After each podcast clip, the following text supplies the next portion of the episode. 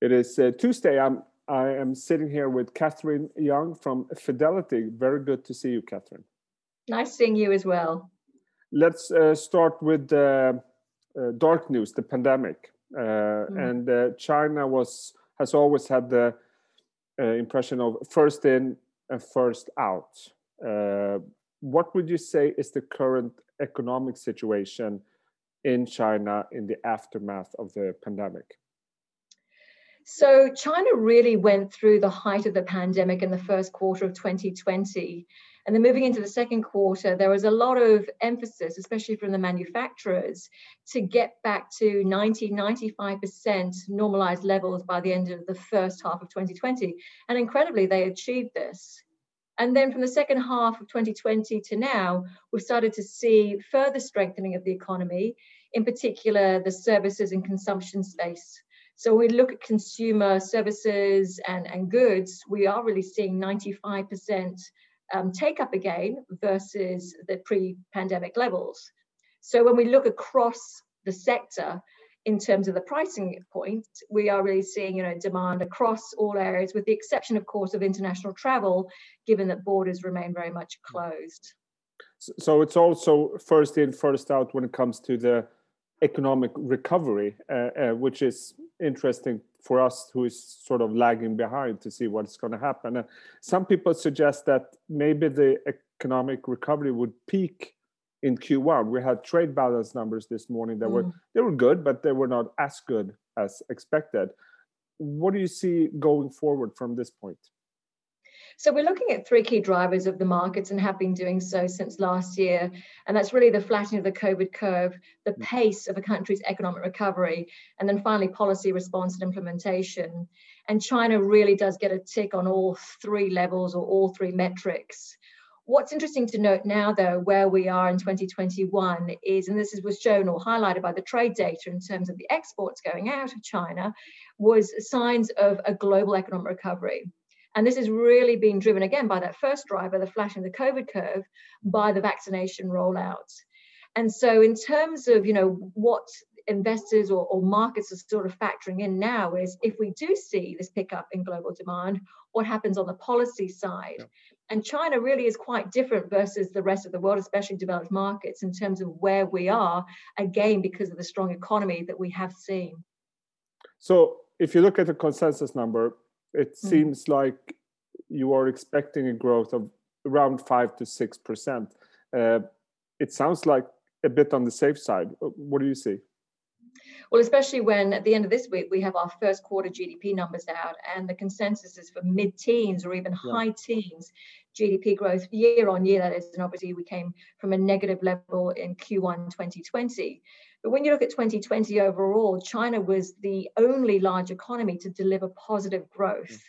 So, at the more recent National People's Congress, which is the big um, event that the, the, the, government has, there was once again a focus on the GDP target. China is really one of the only countries, by the way, that has a GDP growth target. And it was sort of positioned at this five to six percent range, which again, when you look at the growth last year, consensus for the first quarter this year, consensus for 2021 is about 8 to 9%. It is very, very conservative, as you said. But for many years now, the senior government officials have really been talking about and promoting quality versus quantity of growth, especially when it's going to be the domestic demand story. So, again, the rising consumer that's really going to be the key driver of growth versus fixed asset investment spending and exports. And don't forget, China still has a debt situation, which is one of the reasons why, from a policy perspective, they have been a lot more disciplined, less aggressive versus central banks or other central bankers in terms of what they added to the economy last year and also this year. And historically, the Chinese economy has correlated a lot with the credit cycle. Uh, how is that playing out now, and what does it look like? So, along with the trade data today, we also mm. had credit data being released, and credit growth signals are really pointing towards modest tightening.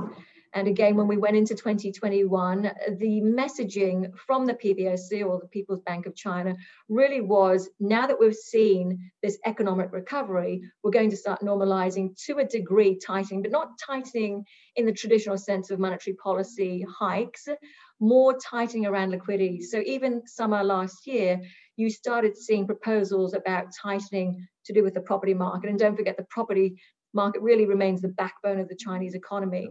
More recently, we've heard from the PBOC asking the banks just to be really cognizant or mindful of the loans that are given out, especially when you see in the very strong performance of capital markets.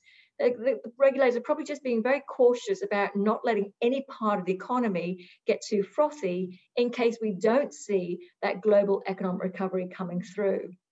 So, compared to uh, the EU and the US, which is still very much on the stimulating side, of this uh, recovery, you're expecting that China will be more towards the tapering side.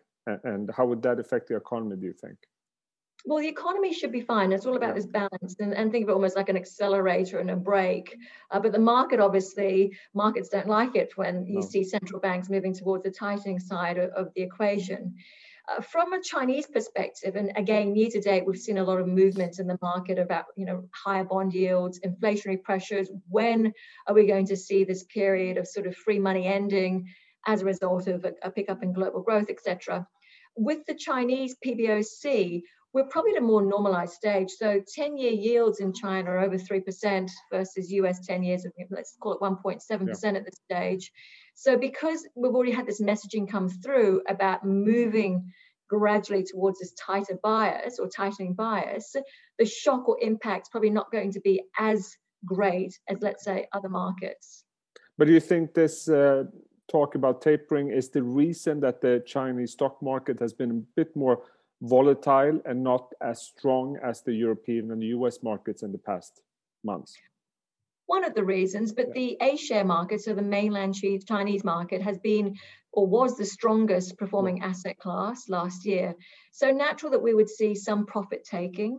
We've also seen some regulatory changes occur, really impacting the big mm. technology names, so the likes of Alibaba in particular.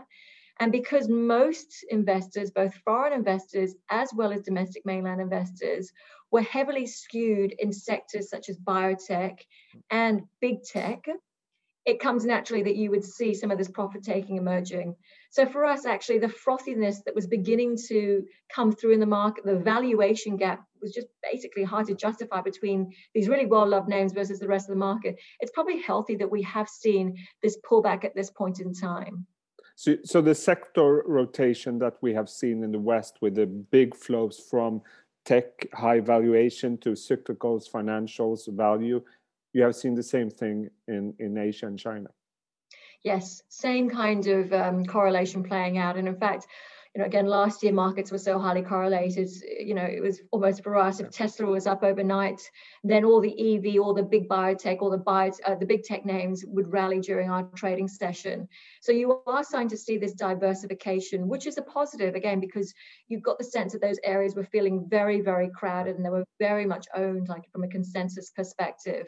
Having said all this, technically speaking, the A-share domestic Chinese market is the least correlated market in the world versus S&P okay. 500. So again, if we still continue to see this choppiness both in the domestic market as well as the global market, the structural drivers underpinning China, whether it's the economic recovery, the rising domestic consumer, the innovation story, the income story, which is quite contrarian because most people don't go to China for income, they all remain very much intact. So, from an absolute and relative perspective, we still think China is very, very attractive.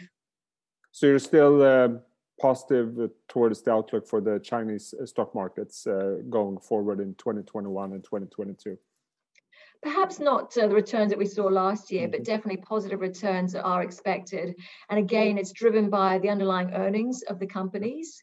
And what is probably going to be refreshing to see is this diversification away from those very well loved sectors into the names, whether it's across the market cap scale, so the smaller companies, or in fact those traditional sectors in China, which have been really unloved.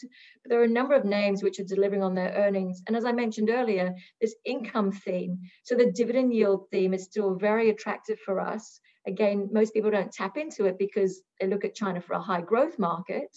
But we have seen corporates, some being even the state-owned enterprises or SOEs, really increasing their payouts as well as maintaining sustainable dividend yields, which is really good from a corporate governance perspective because it means that management teams are really focusing on, on the strength of their balance sheets as well as rewarding minority shareholders. And I think this total return strategy is going to become even more and more important, not just for foreigners, but also for the domestic investors as well. Very interesting um, to hear your thoughts. I would love to speak to you again going forward. Catherine Yeung, it's been a pleasure talking to you. Have a great week. Thanks. Tack.